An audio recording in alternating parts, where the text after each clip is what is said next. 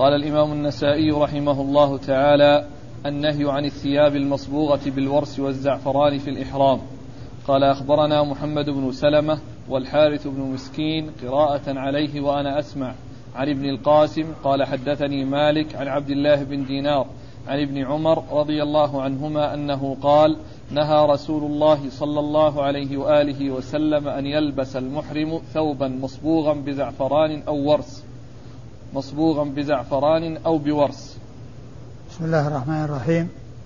الحمد لله رب العالمين. وصلى الله وسلم وبارك على عبده ورسوله نبينا محمد وعلى آله وأصحابه أجمعين. أما بعد يقول النسائي رحمه الله النهي عن لبس الثياب المصبوغة بزعفران أو ورس في الإحرام. في الإحرام؟ نعم. آه هذه الترجمة معقودة لبيان أن الثياب التي صبغت بالزعفران والورس أنه لا يجوز استعمالها في الإحرام وكذلك أيضا لا يجوز التطيب بعد الإحرام ولا وضع الطيب على الثياب قبل الإحرام. وإنما يجوز التطيب قبل الإحرام ويكون على الجسد. وأما الثياب فإنها لا تطيب. والتي آه، صبغت بالزعفران والورس لا يجوز استعمالها ولبسها في الإحرام. وقد ورد النسائي حديث عبد الله بن عمر رضي الله عنهما أن النبي صلى الله عليه وسلم نهى أن يلبس المحرم ثوبا مسه ثوبا ثوبا مصبوغا بزعفران أو بورس ثوبا مصبوغا بزعفران أو ورس وفي الأحاديث التي تأتي من طرق مختلفة مسه زعفران أو ورس ولا يلبس من الثياب شيئا مسه زعفران أو ورس والحديث دال على ما ترجم له المصنف من جهة تجنب يعني ذلك وأنه لا يجوز للإنسان أن يستعمله بل لا يجوز له أن يستعمل الطيب مطلقا في حال إحرامه يعني بعدما يدخل في الإحرام. وأما قبل الدخول في الإحرام فله أن يطيب جسده ولا يجوز له أن يطيب ثيابه ولا مانع من استمرار الطيب الذي على الجسد والذي حصل قبل الإحرام. لا مانع من استدامته واستمراره. ويجوز في الاستدامة ما لا يجوز في الابتداء. يجوز في الاستدامة ما لا يجوز في الابتداء. أي أن الإنسان لا يبتدئ التطيب بعد الإحرام ولكن له أن يتطيب قبل الإحرام ويكون الطيب على جسده ويستمر في حال إحرامه. ويستمر في حال إحرامه وهي من المسائل الكثيرة التي تجوز في الاستدامة التي يجوز في الاستدامة منها ما لا يجوز في الابتداء. وقد ذكر ابن القيم رحمه الله في كتاب إعلام الموقعين جملة كبيرة من الأمثلة التي تدخل تحت هذه القاعدة وهي أنه يجوز في الاستدامة ما لا يجوز في الابتداء ما تجوز استدامته ولا يجوز ابتداؤه. و والزعفران والورس هما نوعان من أنواع الطيب رائحتهما طيبة. أيها الأسناد. قال أخبرنا محمد بن سلمة. أخبرنا محمد بن سلمة المرادي المصري وهو ثقة أخرج حديثه مسلم وأبو داود والنسائي وابن ماجه. والحارث بن مسكين قراءة عليه وأنا أسمع. والحارث بن مسكين المصري وهو ثقة أخرج حديثه أبو داود والنسائي. قراءة عليه وأنا أسمع. قال عن ابن القاسم. قراءة عليه وأنا أسمع عن ابن القاسم وهو عبد الرحمن بن القاسم صاحب الإمام مالك. ثقة أخرج حديثه البخاري وأبو داود في المراسيل والنسائي. عن مالك ابن أنس إمام دار الهجرة المحدث الفقيه أحد أصحاب المذاهب الأربعة المشهورة مذاهب أهل السنة وحديثه عند أصحاب الكتب الستة. عن عبد الله بن دينار. عن عبد الله بن دينار وهو ثقة أخرج حديثه أصحاب الكتب الستة. عن ابن عمر. عن عبد الله بن عمر بن الخطاب رضي الله عنهما وهو أحد العبادلة الأربعة من أصحاب رسول الله عليه الصلاة والسلام. وأحد السبعة المعروفين بكثرة الحديث عن النبي صلى الله عليه وسلم. نعم. قال أخبرنا محمد بن منصور عن سفيان عن الزهري عن سالم عن أبيه رضي الله عنه أنه قال سئل رسول الله صلى الله عليه وآله وسلم ما يلبس المحرم من الثياب؟ قال لا يلبس القميص ولا البرنس ولا السراويل ولا العمامة ولا ثوبا مسه ورس ولا زعفران ولا خفين إلا لمن لا يجد نعلين فإن لم يجد نعلين فليقطعهما حتى يكونا أسفل من الكعبين. ثم ورد النسائي حديث ابن عمر رضي الله تعالى عنهما من طريق أخرى وهو مشتمل على عدة أمور يتجنبها المحرم ولا يسوغ له فعلها وذلك و و و حديث ابن عمر هذا فيه أن النبي عليه الصلاة والسلام سئل عما يلبس المحرم من الثياب. سئل عما يلبس المحرم من الثياب. فأجاب عليه الصلاة والسلام بأنه لا يلبس القميص ولا البرنس ولا العمامة ولا السراويل ولا يلبس خفين إلا أن لا يجد نعلين فيلبسهما ويقطعهما أسفل الكعبين. ولا يلبس من الثياب شيء مسه زعفران أو ورس وهذه الجملة التي هي قوله ولا يلبس من الثياب شيء مسه زعفران أو ورس هي المقصودة من إيراد الحديث تحت هذه الترجمة وهي النهي عن لبس الثياب المصبوغة بالزعفران والورس في الإحرام. والحديث فيه أن النبي عليه الصلاة والسلام سئل عما يلبس المحرم من الثياب فأجاب بهذه الأمور التي لا يلبسها. والسؤال كان عما يلبس والجواب عما لا يلبس والجواب عن ما لا يلبس. وقيل في كون النبي عليه الصلاة والسلام صرف الجواب إلى ما لا يلبس مع أن السؤال عما يلبس قيل لأن ما يلبسه الأصل فيه الجواز وإنما الذي يحتاج إلى معرفة ما لا يلبس لأنه محصور ومعين. وأما ما لا يلبس فأمره واسع. ففي هذا ففي هذا إشارة إلى أنه كان ينبغي أن يكون السؤال عما عما لا يلبس يعني الأمور التي ليس للإنسان أن يلبسها. وهذا يسمونه في علم البلاغة أسلوب الحكيم. من أنواع علوم البلاغة أسلوب الحكيم وهو أن يكون السؤال يأتي على حال فيكون الجواب بغيره إشارة إلى أنه ينبغي أن يكون السؤال عنه. ثم أيضا لكون المسؤول لكون المطلوب هو ما يتجنبه محصور. وغير الذي يتجنب هو الأصل ولا حصر فيه. في فيسمى أسلوب الحكيم وهو إجابة السائل على غير سؤاله مما يفيد مطلوبه إشارة له إلى أنه كان ينبغي أن يكون سؤاله على حول هذا الجواب الذي أجيب به وهو ما لا يلبس مع أن السؤال عما عما يلبس.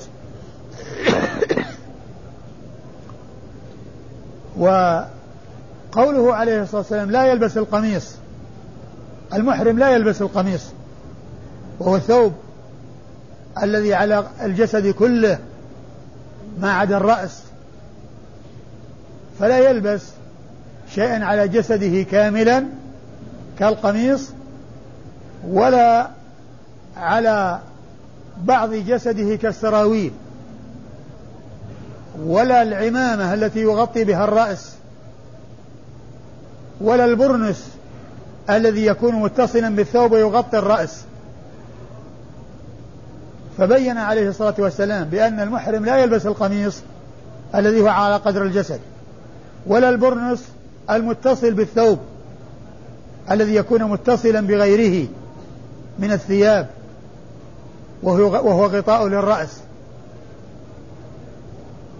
مرتبط ومتصل بغيره من الملبوسات يغطى بها الرأس يعني ليس مستقلا. وإنما هو مرتبط ومتصل بغيره.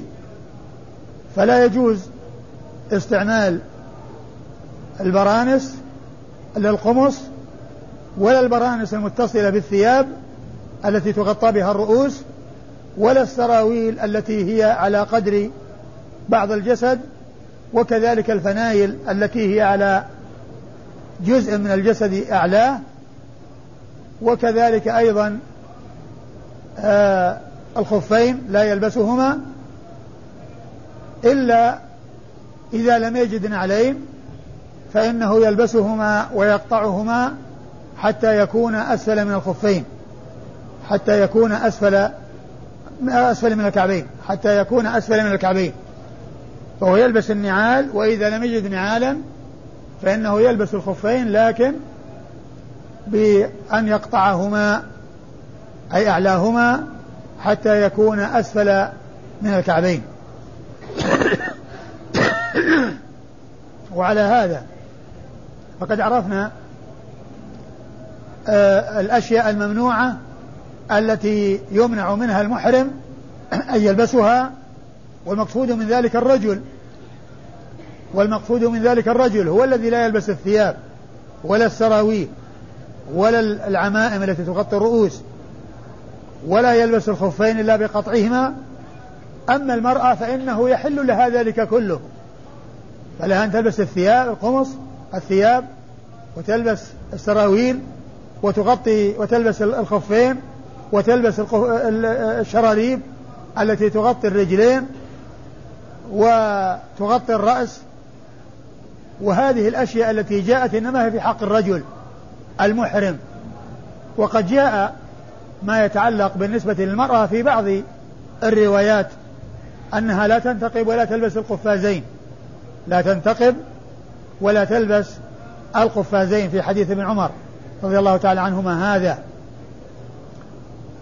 وأما ما يتعلق بمن لم يجد النعلين وأنه يلبس الخفين بشرط قطعهما هذا جاء في حديث ابن عمر وكان هذا السؤال في وقت متقدم يعني وهم آه، في المدينة وقد جاء في حديث ابن عباس ما يدل على خلاف ما جاء في حديث ابن عمر وأن النبي عليه الصلاة والسلام كان يخطب بعرفات وكان يقول من لم يجد نعلين من لم يجد إزارا فليلبس السراويل ومن لم يجد نعلين فليلبس الخفين وما قال فليقطعهما حتى يكون أسفل من الكعبين. فاختلف العلماء في القطع عند لبس الخفين لمن لم يجد النعلين فذهب جمهور أهل العلم إلى لزوم القطع للخفين وقالوا يحمل ما جاء في حديث ابن عباس من الإطلاق على ما جاء في حديث ابن عمر من التقييد بالقطع. لأن حديث ابن عباس ما فيه تعرض للقطع فهو مطلق. فيحمل المطلق على المقيد و آه، يكون العمل على القطع. وبعض أهل العلم ذهب إلى أن من لم يجد نعلين يلبس الخفين بدون قطع أخذا بحديث ابن عباس. ويقول إن النبي عليه الصلاة والسلام خطب بذلك بعرفات وقد التقى به الحجاج الذين أخذوا عنه وانتشروا في الآفاق وذهبوا يمينا وشمالا وأخذوا هذه السنة عنه.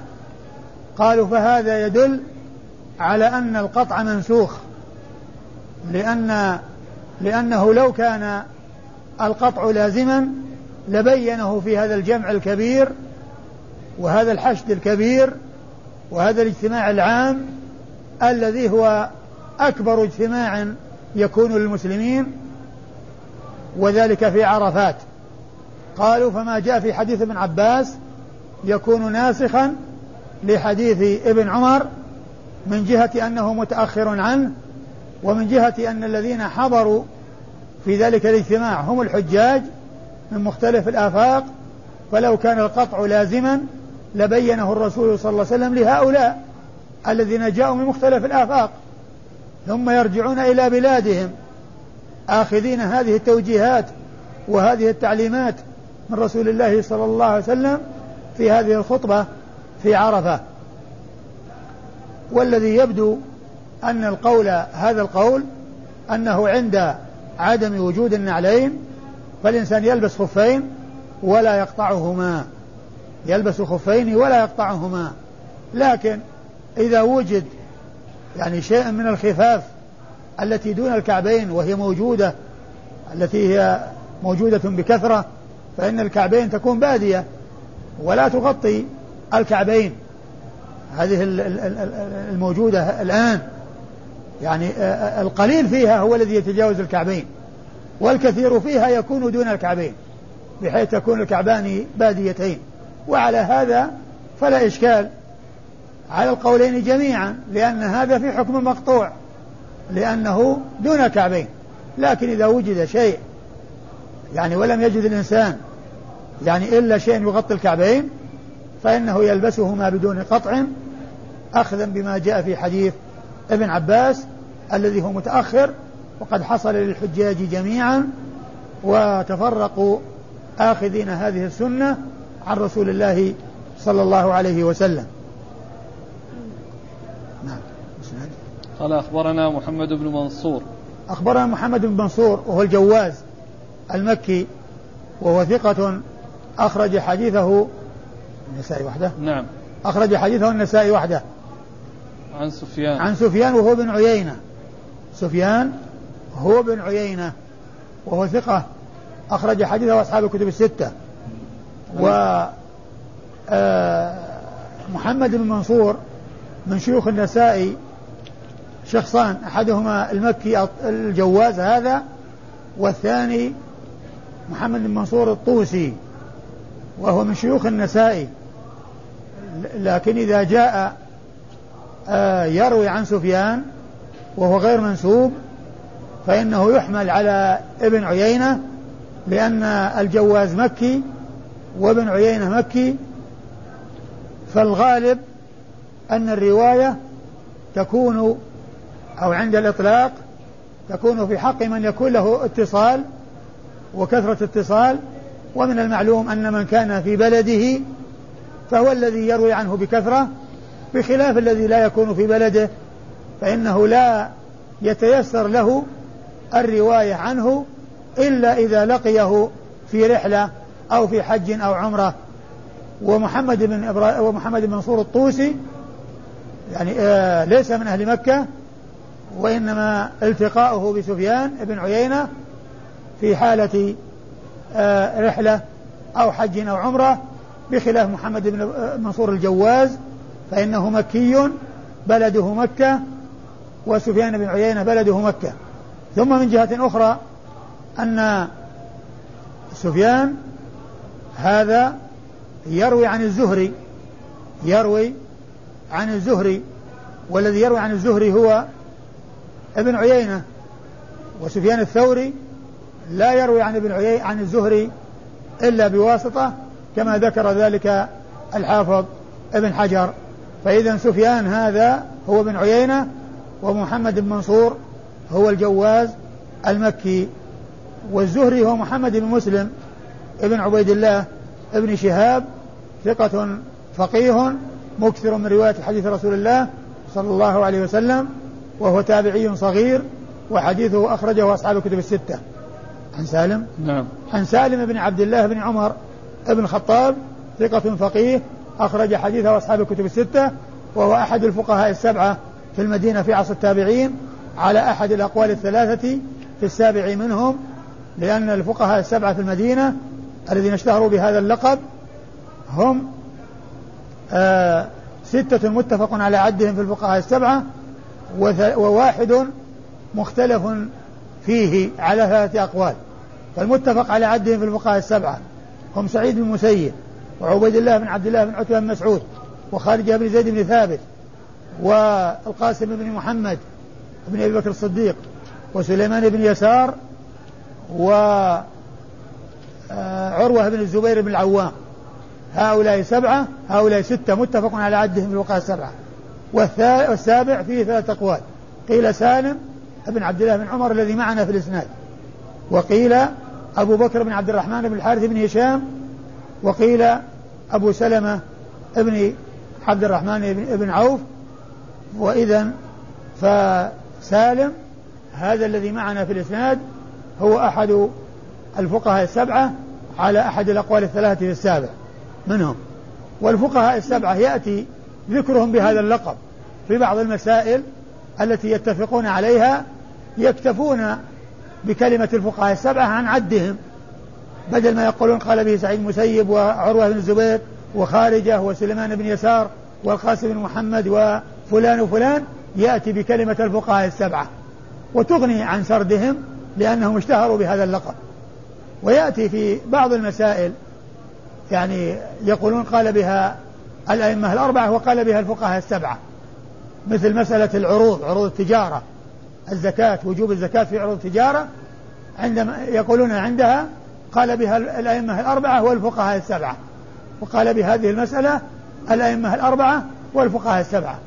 الأئمة الأربعة لهم أبو حنيفة ومالك والشافعي وأحمد والفقهاء السبعة الذين هم هؤلاء.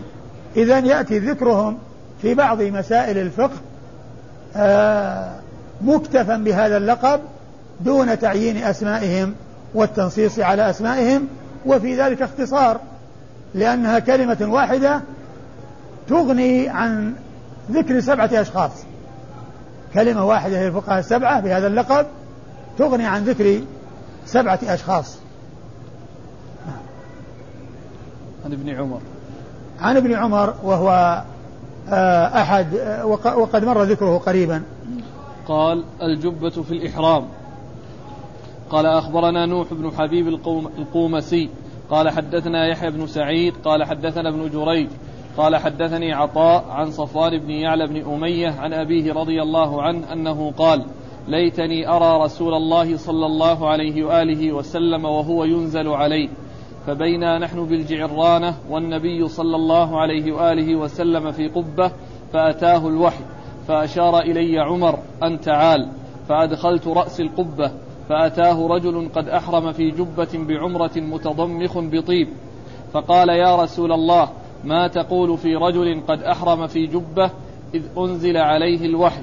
فجعل النبي صلى الله عليه وآله وسلم يغط لذلك فسري عنه فقال أين الرجل الذي سألني آنفا؟ فأتي بالرجل فقال أما الجبة فاخلعها وأما الطيب فاغسله ثم أحدث إحراما. قال أبو عبد الرحمن ثم أحدث إحراما ما أعلم أحدا قاله غير نوح بن حبيب ولا أحسبه محفوظا والله سبحانه وتعالى أعلم. ثم ورد النسائي هذه الترجمة هي الجبة في الإحرام. الجبة في الإحرام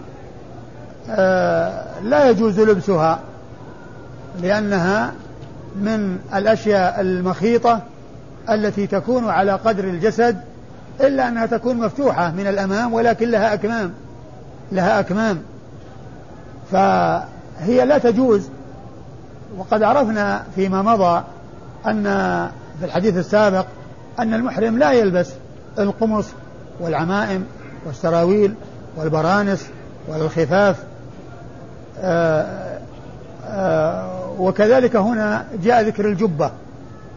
وأورد النسائي حديث علي بن أمية في قصة الرجل الذي جاء إلى الرسول صلى الله عليه وسلم وهو بالجعرانة وهو لابس جبة ومتضمخ بطيب وسأله وسأل الرسول صلى الله عليه وسلم فسكت ولم يجده بشيء ونزل عليه الوحي وكان يوحى إليه ولما سري عنه وكشف عنه ما حصل له من الحالة التي حصلت له في حال نزول الوحي عليه سأل عن السائل فأتي بالرجل فقال أما انزع الجبة فانزعها وأما الطيب فاغسله وأما الطيب فاغسله. والمقصود منه أن الرسول صلى الله عليه وسلم قال له أما الجبة فانزعها. يعني لأنه ليس له أن يلبسها. ليس له أن يلبسها.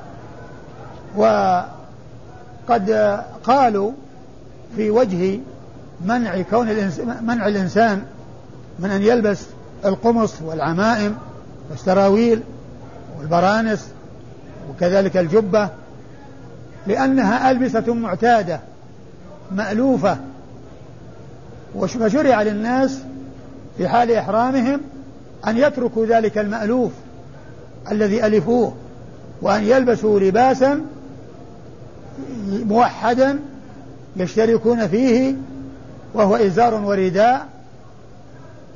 يكون في ذلك تذكير لهم بكونهم يكون على هيئة واحدة وأيضا ذلك يذكرهم عند الموت فإنهم يتحدون في اللباس ويتساوون في اللباس فيكون فعل هذه الهيئة علامة على الإحرام ودلالة على الإحرام وأيضا فيه تذكير للإنسان بالموت وأيضا تساوي الناس لا فرق بين الغني والفقير والأمير والمأمور والصغير والكبير الكل يلبس لباسا موحدا لا يتميز بعضهم على بعض. في لباس بل هم في لباس واحد على هيئة واحدة.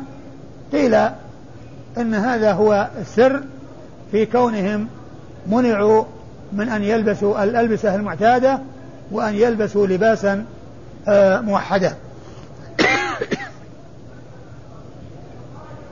والحديث فيه اولا أن يعلى بن أمية كان يتمنى أن يرى الرسول صلى الله عليه وسلم وهو يوحى إليه في حال نزول الوحي عليه كان يتمنى يعلى بن عمية أن يراه وهو يوحى إليه لأنها هيئة خاصة ويتغير وجه الرسول صلى الله عليه وسلم ويصيبه شدة ويتصبب عرقا مع أنه قد يكون ذلك في يوم شاتي. وفي ليلة شاتية يتصبب عرقا من الشدة التي تحصل له عند نزول الوحي عليه صلوات الله وسلامه وبركاته عليه. فكان يعلى بن أمية يتمنى أن يراه وهو على تلك الصورة. فلما كانوا في الجعرانة وكان في قبة وكان جاءه رجل متضمخ بطيب وعليه جبة وسأل الرسول صلى الله عليه وسلم فسكت عليه الصلاة والسلام وكان يوحى إليه فأشار عمر ليعلى أن يأتي فأشار إليه أن تعال ليريه ذلك الذي كان يتمناه وكان قد ظلل عليه بثوب يعني ستر بثوب فرفع الثوب وجعل عمر آآ آآ يعلى ينظر إليه وكان محمر الوجه صلوات الله وسلامه وبركاته عليه. قيل ولعل عمر رضي الله عنه وأرضاه فعل هذا لأن النبي صلى الله عليه وسلم لأنه علم أن النبي صلى الله عليه وسلم لا يكره ذلك أو لا ينكر ذلك فرآه يعلى بن أمية على تلك الهيئة التي تمناها.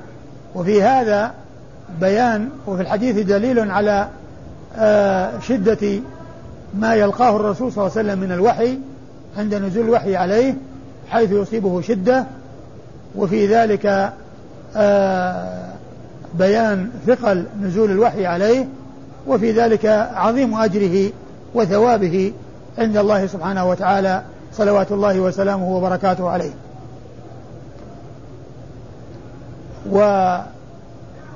فيه آه أن أن النبي عليه الصلاة والسلام لما سأله السائل ولم يكن عنده جواب وكان ينتظر الوحي في هذا دليل على أن الإنسان إذا لم يكن عنده جواب فإنه يتريث ويصبر ويبحث عن الحق وعن الجواب حتى يبينه لأن النبي عليه الصلاة والسلام كان عندما يسأل إذا كان عنده جواب أجاب به إذا كان عنده وحي من الله عز وجل أجاب به وإذا لم يكن عنده وحي انتظر أن يوحى إليه ويجيب بعد ذلك صلوات الله وسلامه وبركاته عليه. وفيه آه وكان جواب النبي صلى الله عليه وسلم له أن ينزع الجبة وأن يغسل الطيب. وفي هذا دليل على أن من لبس ثوبا مخيطا أو ثوبا لا يجوز له لبسه فإن عليه أن يبادر إلى خلعه عندما يعلم بأن ذلك لا يسوغ ولا يجوز وعندما يذكر بذلك عليه أن يبادر إلى خلعه والتخلص منه. وكذلك أيضا الطيب يغسله وقد جاء عن النبي عليه الصلاة والسلام أنه كان في حجة الوداع عائشة رضي الله عنها وأرضاها تطيبه لإحرامه قبل أن يحرم ولحله قبل أن يطوف بالبيت وهذا فيه الأمر بالغسل. فقيل في التوفيق بين ما جاء في حديث يعلى هذا من الأمر بالغسل وما جاء في حديث عائشة من أنها كانت تطيبه وأنه يبقى أثر الطيب في حال إحرامه وكانوا يرون وبيص المسك على مفارقه صلى الله عليه وسلم وهو محرم. قالوا فما جاء في حديث عائشة ناسخ لما جاء في حديث يعلى بن أمية لأن حديث عائشة في حجة الوداع وحديث يعلى بن أمية في السنة الثامنة من الهجرة فيكون ما جاء فيه من النهي للطيب الذي كان موجودا قبل الإحرام منسوخا بما جاء في حديث عائشة من كونها طيبت رسول الله صلى الله عليه وسلم لإحرامه قبل أن يحرم وكان الطيب على مفارقه صلى الله عليه وسلم بعد إحرامه الذي هو استدامة الطيب. ففي هذا دليل على أنه لا يجوز أنه أنه يجوز للإنسان أن يتطيب قبل الإحرام في جسده ويبقى أثر الطيب عليه بعد إحرامه ولا يضره ذلك. لكن لا يجوز له أن يبتدئ الطيب بعد الإحرام ولو ابتدأ الطيب بعد الإحرام فيجب عليه غسله يجب عليه غسله لأن فعل ذلك لا يجوز بعد الإحرام. لكن الذي هو جائز ما كان قبل الإحرام واستديم بعد الإحرام فهذا سائر. أما كل إنسان يتطيب بعد الإحرام فهذا لا يجوز. وعليه أن يزيله وعليه أن يزيله أي ذلك الذي حصل منه بعد الإحرام. نعم. وفي آخره قال ثم أحدث إحراما ثم أحدث إحراما.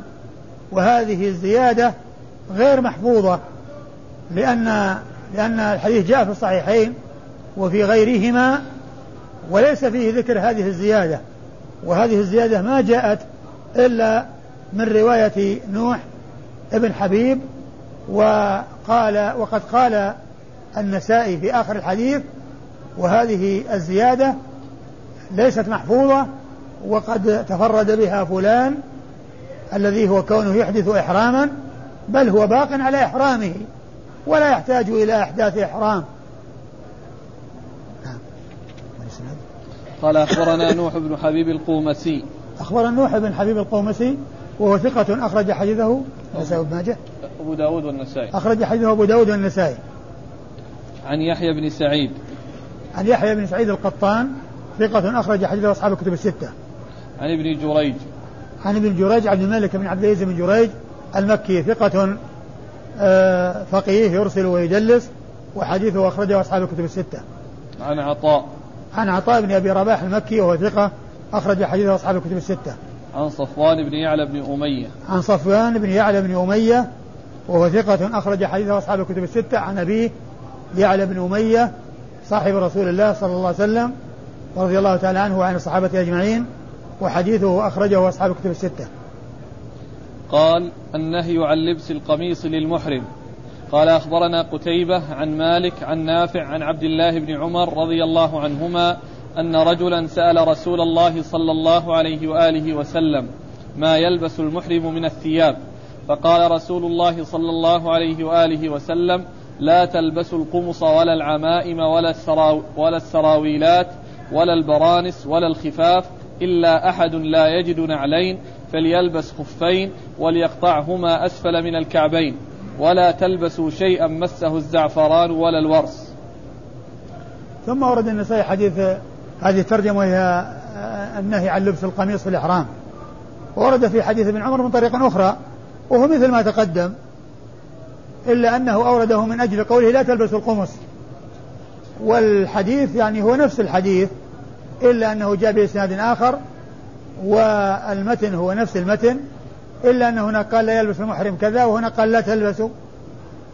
فما فيه في هذه الرواية هو نفس ما في الرواية المتقدمة والمقصود منه الاستدلال على النهي عن لبس القمص في حال الإحرام.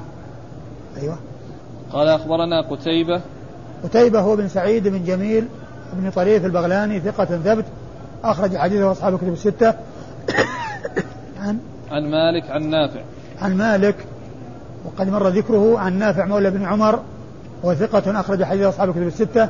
عن ابن عمر وقد مر ذكره وهذا الإسناد من رباعيات النسائي التي هي أعلى الأسانيد عند النسائي حيث يكون بينه وبين رسول الله صلى الله عليه وسلم أربعة أشخاص وهم قتيبة ومالك ونافع وابن عمر. نعم. قال النهي عن لبس السراويل في الإحرام.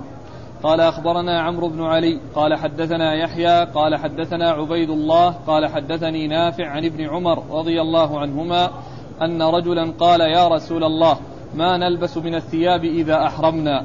قال لا تلبسوا القميص. وقال عمرو مرة أخرى القمص. ولا العمائم ولا السراويلات ولا الخفين إلا أن لا يكون لأحدكم نعلان فليقطعهما أسفل من الكعبين ولا ثوبا مسه ورس ولا زعفران. ثم أورد النسائي هذه الترجمة لبس السراويل. لبس السراويل.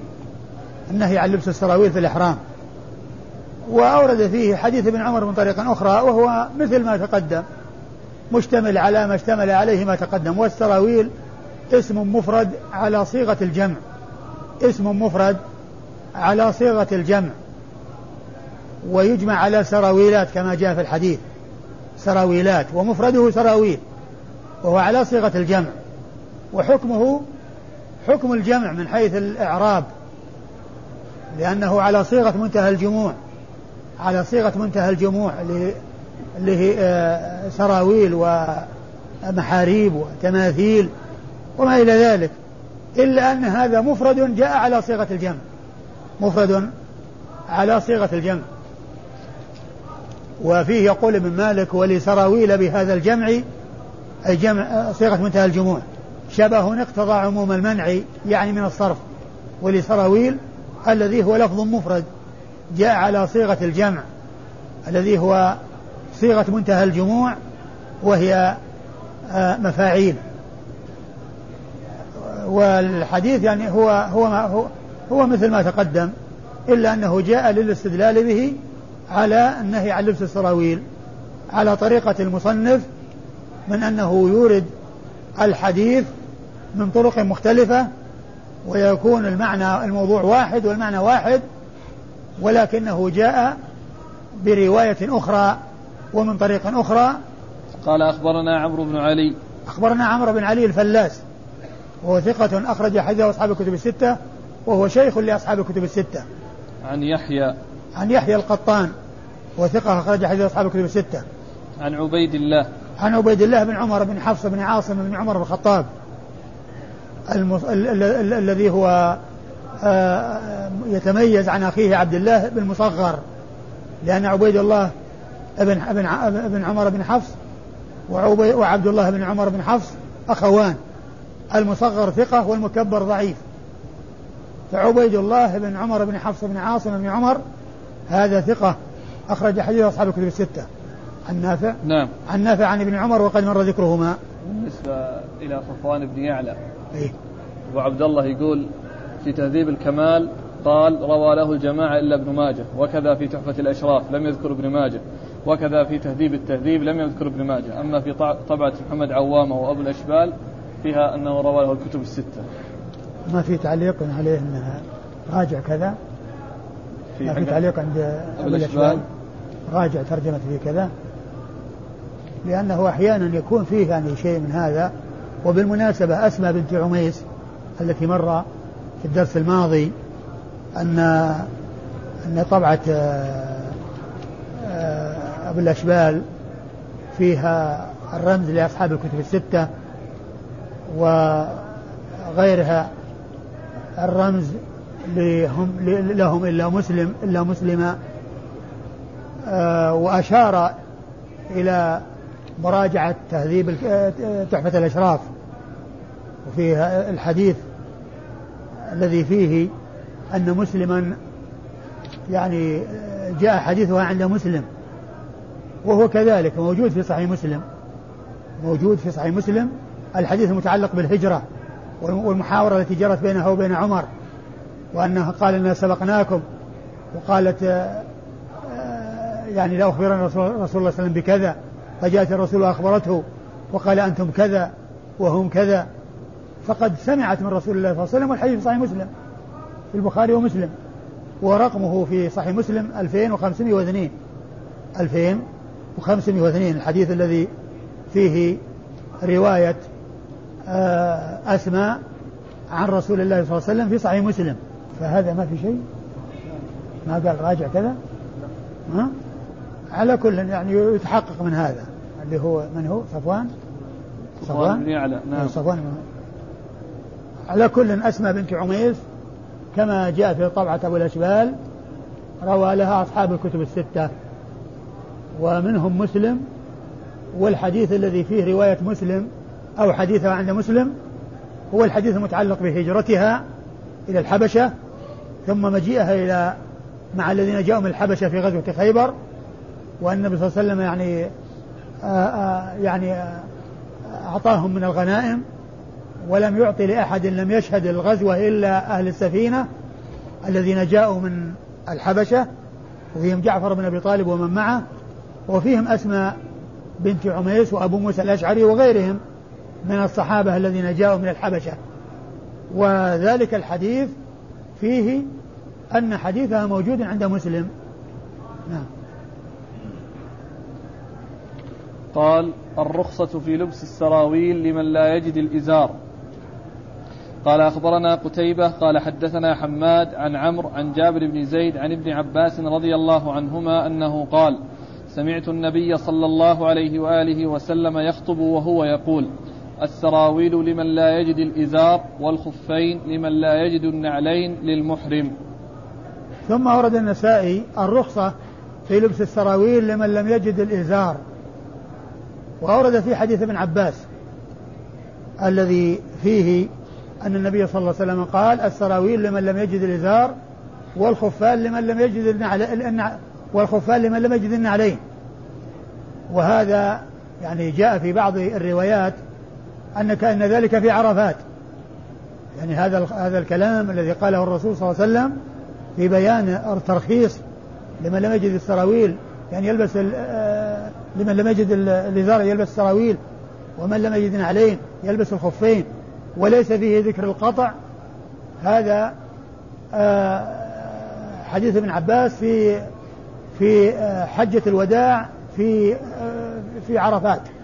والنبي صلى الله عليه وسلم في عرفات وكان يخطب الناس ويبين للناس يعني أمور دينهم صلوات الله وسلامه وبركاته عليه. فهذا دال على لبس السراويل لمن لم يجد الإزار. وحديث ابن عمر أيضا دال عليه. لأنه جاء فيه لبس السراويل لمن لم يجد الإزار ولبس الخفين لمن يجد النعلين إلا أن الخفين جاء في حديث ابن عمر أنهما يقطعان يسفل الكعبين وحديث ابن عباس مطلق ليس فيه ليس فيه آه، الأمر بقطع إلا في رواية شاذة ستأتي. إلا في رواية شاذة ستأتي. ثم ينبغي أن يعلم أن القمص والسراويل وغيرها إنما يمنع منها على هيئتها ملبوسة.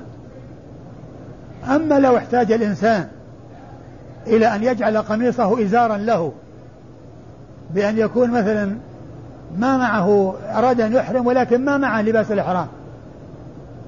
فإن له أن يخلع قميصه ويلفه على وسطه ويكون إزارا له. هذا لا بأس به لأنه لبس على غير هيئة اللبس المعتاد.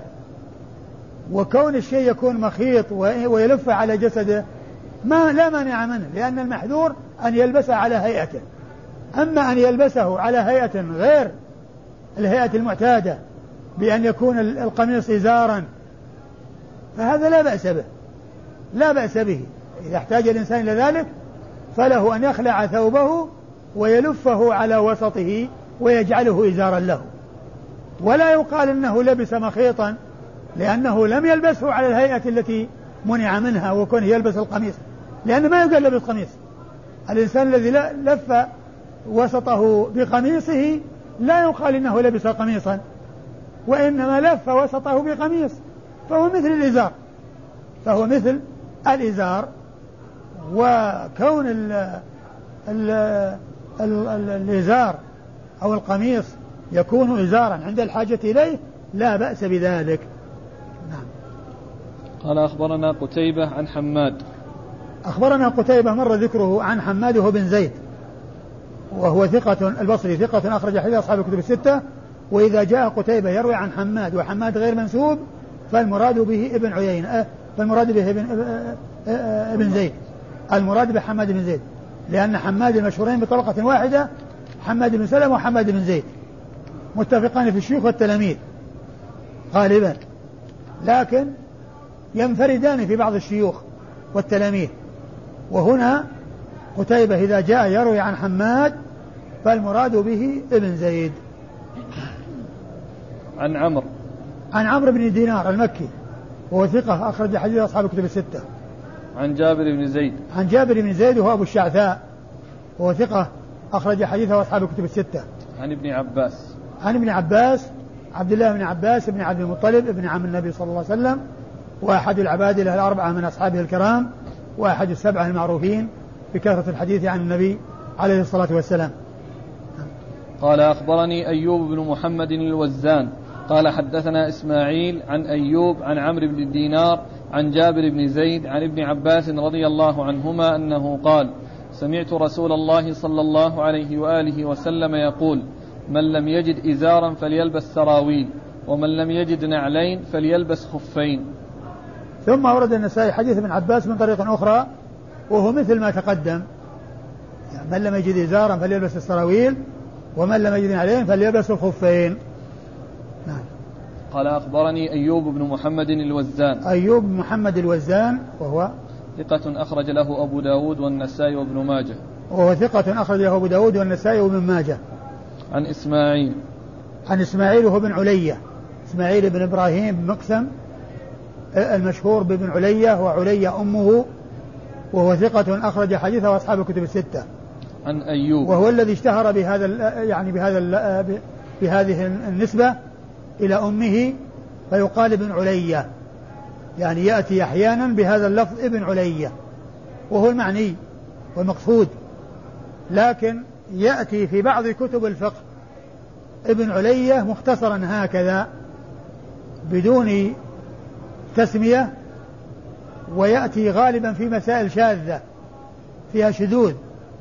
وليس المقصود به هذا بل المقصود به ابنه إبراهيم. ابنه إبراهيم. وابنه إبراهيم آه، من من من من أهل البدع ومن المبتدعة. ذكره الذهبي في الميزان وقال جهمي هالك قال عنه جهمي هالك. فهو الذي يأتي ذكره في مسائل الفقه التي فيها شذوذ. عندما تأتي مسألة يعني يتبين فيها الشذوذ وفيها ابن علية المقصود به إبراهيم بن إسماعيل. وليس إسماعيل الذي هو هذا المحدث الكبير الذي هو أبوه فإن هذا إمام من أئمة السنة وذاك جهمي هالك كما قال عنه الذهبي. وقد جاء عنه في الإجارة في كتب الفقه عندما ذكر عندما يذكرون مسألة الإجارة وأن الإجارة يعني جائزة وأنها سائغة. قالوا ولم يخالف فيها إلا ابن علية والأصم. ولم يخالف فيها إلا ابن علية والأصم. قال والإجارة لا تجوز. وهذا شذوذ. من أوضح الشذوذ؟ كيف الإجارة لا تجوز؟ الناس يستغنون عن الإجارة. أحد يستغني عن الإجارة. ما أحد يستغني عن الإجارة. فالقول بتحريمها شذوذ. القول بأن الإجارة لا تجوز شذوذ. من أوضح الشذوذ؟ من الذي يستغني عن الإجارة؟ هل الإنسان يستطيع أن يكون حداد ونجار وسباك وكل مهنة يعرفها فهو إما أن يعرف المهنة وهذا أو أو يتصدق عليه أحد أو يسأل الناس يعطونه أما كونه يستأجر لا يجوز له ذلك. هذا شذوذ واضح. فيأتي في بعض مسائل الفقه الشاذة آه، ذكر ابن علية والأصم. والأصم عند أيضا هو أيضا معتزلي مبتدع وهو أبو بكر بن كيسان الأصم. فهو الذي إذا جاء في مسائل الفقه بلقب الأصم وأنه خالف في هذه المسألة. فالمقصود به المعتزلي أبو بكر بن كيسان. وليس آه، وليس محمد بن يعقوب الأصم شيخ الحاكم وهو محدث مشهور. فإن يعني الأصم الذي اشتهر في الخلاف في المسائل الشاذة معتزلي وابن علية الذي اشتهر في المسائل الفقه الشاذة جهمي. وأيضا لإسماعيل بن علية ابن اسمه محمد بن إسماعيل وهو محدث يأتي عند النسائي هو من شيوخ النسائي أخرج حديثه النسائي وحده وهو محدث. وإنما المبتدع الذي يأتي في مسائل الفقه الشاذة هو إبراهيم ابن إسماعيل. وإسماعيل بن علية أخرج حديث أصحاب الكتب الستة عن أيوب. عن أيوب بن أبي تميم السختياني وهو ثقة أخرج حديث أصحاب الكتب الستة. عن عمرو بن دينار عن جابر بن زيد عن ابن عباس. عن عمرو بن دينار عن جابر بن زيد أبو الشعثاء عن ابن عباس وقد مر ذكرهم. قال النهي عن أن النهي عن أن تنتقب المرأة الحرام. قال أخبرنا قتيبة قال حدثنا الليث عن نافع عن ابن عمر رضي الله عنهما أنه قال قام رجل فقال يا رسول الله ماذا تأمرنا أن نلبس من الثياب في الإحرام؟ فقال رسول الله صلى الله عليه وآله وسلم لا تلبسوا القميص ولا السراويلات ولا العمائم ولا البرانس ولا الخفاف إلا أن يكون أحد ليست له نعلان فليلبس الخفين ما أسفل من الكعبين ولا تلبسوا شيئا من الثياب مسه الزعفران ولا الورس ولا تنتقب المرأة الحرام ولا تلبس القفازين. ثم أورد النسائي هذه الترجمة وهي النهي عن أن تنتقب المرأة الحرام أي المحرمة. المرأة الحرام أي المرأة المحرمة. آه عرفنا أن أن أن الأمور التي جاء النهي عنها في حديث ابن عمر إنما هي للرجل يعني القمص والسراويل والعمائم وتغطية الرأس وما إلى ذلك كل هذا في حق الرجال. أما المرأة فإن لها أن تلبس هذه الأمور إلا أن تمنع من الانتقاب ومن لبس القفازين. قفازين اللي على مقدار اليدين وهو ما تستر به المرأة يديها وتكون على مقدار اليدين هذان هما القفازان. ليس للمرأة أن تلبسهما ولا تنتقب وهو تلبس النقاب الذي هو غطاء الوجه الذي يخرج العينين ولكنها تكشف وجهها.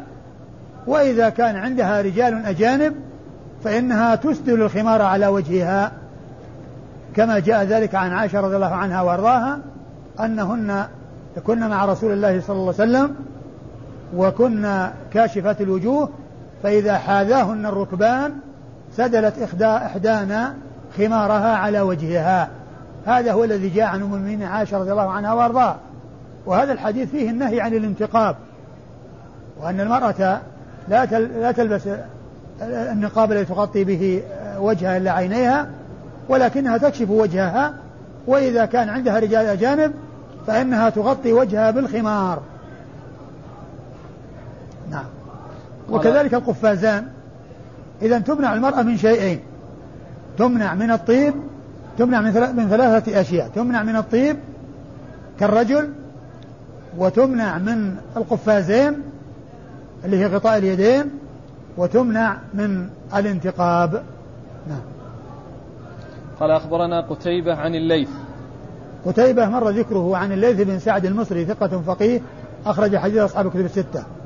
عن نافع عن ابن عمر. عن نافع عن ابن عمر وهذا من رباعيات النسائي من الأسانيد العالية عند النسائي التي هي أربعة أشخاص بين النسائي وبين رسول الله صلى الله عليه وسلم والنسائي وفاته سنة ثلاث بعد الثلاثمائة يعني يعني أول القرن الرابع توفي. هو آخر أصحاب الكتب الستة. آخرهم وفاة النسائي لأنهم كلهم ماتوا قبل الثلاثمائة وأما النسائي وحده فإنه تجاوز الثلاثمائة في ثلاث سنوات وكان بينه وبين رسول الله صلى الله عليه وسلم أعلى ما يكون أربعة أشخاص مثل هذا الإسناد الذي معنا والإسناد الذي تقدم الذي هو قتيبة ومالك ونافع وابن عمر وهنا قتيبة والليث ونافع وابن عمر. قال النهي عن لبس البرانس في الإحرام. قال أخبرنا قتيبة عن مالك عن نافع عن عبد الله بن عمر رضي الله عنهما أن رجلا سأل رسول الله صلى الله عليه وآله وسلم ما يلبس المحرم من الثياب؟ فقال رسول الله صلى الله عليه وآله وسلم لا تلبسوا القميص ولا العمائم ولا السراويلات ولا البرانس ولا الخفاف إلا أحد لا يجد نعلين فليلبس خفين وليقطعهما أسفل من الكعبين ولا تلبسوا شيئا مسه الزعفران ولا الورس. ثم أورد النسائي هذه الترجمة وهي النهي عن لبس البرانس. والبرانس هي غطاء الرأس المتصل بالثياب. غطاء الرأس المتصل بغيره. والرأس لا يغطى لا بمتصل ولا بمنفصل. لا يجوز تغطية الرأس بأي شيء يعني بملاصق يعني لا كالطاقية والغترة ولا بالبرانس. التي متصلة بالثوب التي تتصل بالثوب. هذا بالنسبة للملاصق. أما بالنسبة لغير الملاصق كون الإنسان يعني آه، كالشمسية يعني يجعلها فوق رأسه وتغطيه يعني تقيه حرارة الشمس لا بأس بذلك. ولكن كونه يغطيه بشيء ملاصق ويتعمد وكذلك الإنسان إذا احتاج إلى حمل عفشه يحمله على رأسه ولا يضره. لكن كونه يحمله من أجل يغطي رأسه لا. ولكن كونه يحتاج إلى حمله فحمله على رأسه لا بأس بذلك. الإسناد قتيبة عن مالك عن نافع عن ابن عمر. وهذا الإسناد قد مر ذكره قتيبة مالك نافع عن ابن عمر رباعي قد مر ذكر هذا الإسناد. قال أخبرني محمد بن إسماعيل بن إبراهيم وعمرو بن علي قال حدثنا يزيد وهو, وهو ابن هارون. قال حدثنا يحيى وهو ابن سعيد الأنصاري عن عمر بن نافع عن, عن أبيه عن ابن عمر رضي الله عنهما أن رجلا سأل رسول الله صلى الله عليه وآله وسلم ما نلبس من الثياب إذا أحرمنا؟ قال لا تلبسوا القميص ولا السراويلات ولا العمائم ولا البرانس ولا الخفاف إلا أن يكون أحد ليست له نعلان فليلبس الخفين أسفل من الكعبين. ولا تلبسوا من الثياب شيئا مسه ورس ولا زعفران. ثم أورد النسائي هذا الحديث من طريق أخرى وفيه ما في الذي قبله. والمقصود هو النهي عن لبس البرانس وقد جاءت ذكرها في هذا الحديث من هذه الطريق وجاء في الحديث السابق. نعم. قال أخبرني محمد بن إسماعيل بن إبراهيم. محمد بن إسماعيل بن إبراهيم هذا هو ابن علية الذي قلت أنه آه أن لإسماعيل بن علية ابن محدث هو شيخ للنسائي هذا هو محمد بن إسماعيل بن إبراهيم. أي بن علية الذي مشهور أبوه بن علية. وهو ثقة أخرج حديثه النسائي. بن علية اللي هو إسماعيل بن إبراهيم له ابن ثقة وابن مبتدع. إبراهيم جهمي هالك وهذا ثقة حافظ. الذي هو محمد بن إسماعيل بن إبراهيم. وقد أخرج حديثه النسائي وحده. وعمرو بن علي. وعمرو بن علي هو الفلاس مر ذكره قريبا. عن يزيد وهو ابن هارون. عن يزيد وهو بن هارون الواسطي وهو ثقة أخرج حديث أصحاب الكتب الستة.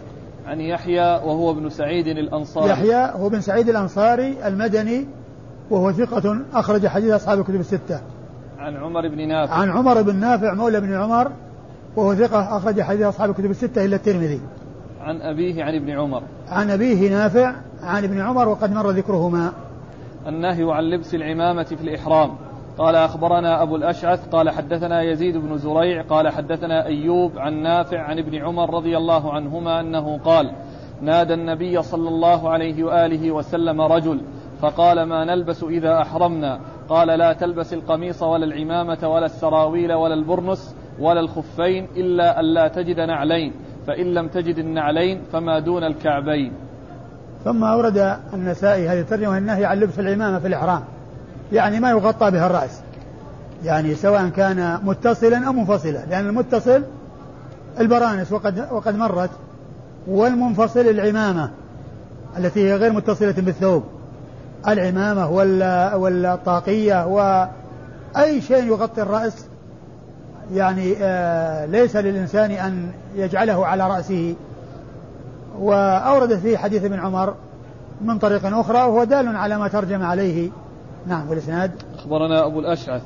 أخبرنا أبو الأشعث أحمد بن المقدام وهو صدوق. نعم. أخرج البخاري والترمذي والنسائي وابن ماجه.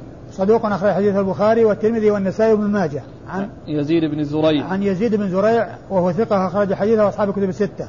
عن أيوب عن نافع عن ابن عمر. عن أيوب عن نافع عن ابن عمر وقد مر ذكرهم. قال أخبرنا أبو الأشعث أحمد بن المقدام قال حدثنا يزيد بن زريع قال حدثنا ابن عون عن نافع عن ابن عمر رضي الله عنهما أنه قال